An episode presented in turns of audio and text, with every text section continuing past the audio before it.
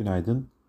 Dün açıklanan e, verilerde Amerika'da New York FED İmalat Endeksi Mart'ta 17.4 oldu. Beklenti 14.5'ti. E, önceki veri ise 12.1. E, Amerika'da endeksler e, Nasdaq e, önderliğinde günü yükselişle tamamladı. E, bu sabah da e, genel eğilim e, pozitif, e, vadelilerde pozitif bölgede.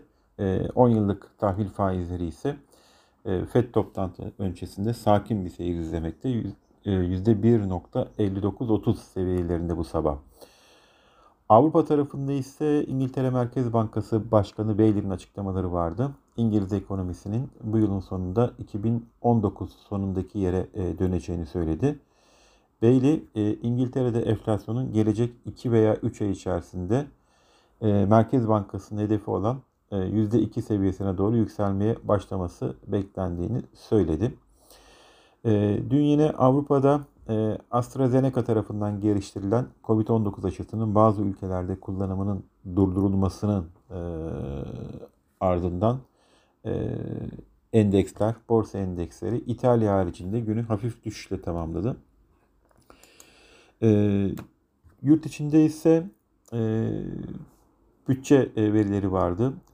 dün açıklanan Şubat ayı bütçe dengesinde bir önceki yıl görülen 7.4 e, milyar TL açığa karşılık 23.2 milyar TL fazla e, verildiği görüldü.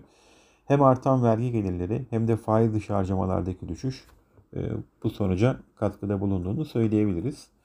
Veri gündeminde ise yurt dışında bugün Almanya'da ZÜV Ekonomik Eğilim Endeksi, Amerika'da dış ticaret dengesi, sanayi üretimi, kapasite kullanımı ve perakende satış verileri açıklanacak. Özellikle e, Amerika'da e, veri e, yoğun bir gündem olacak.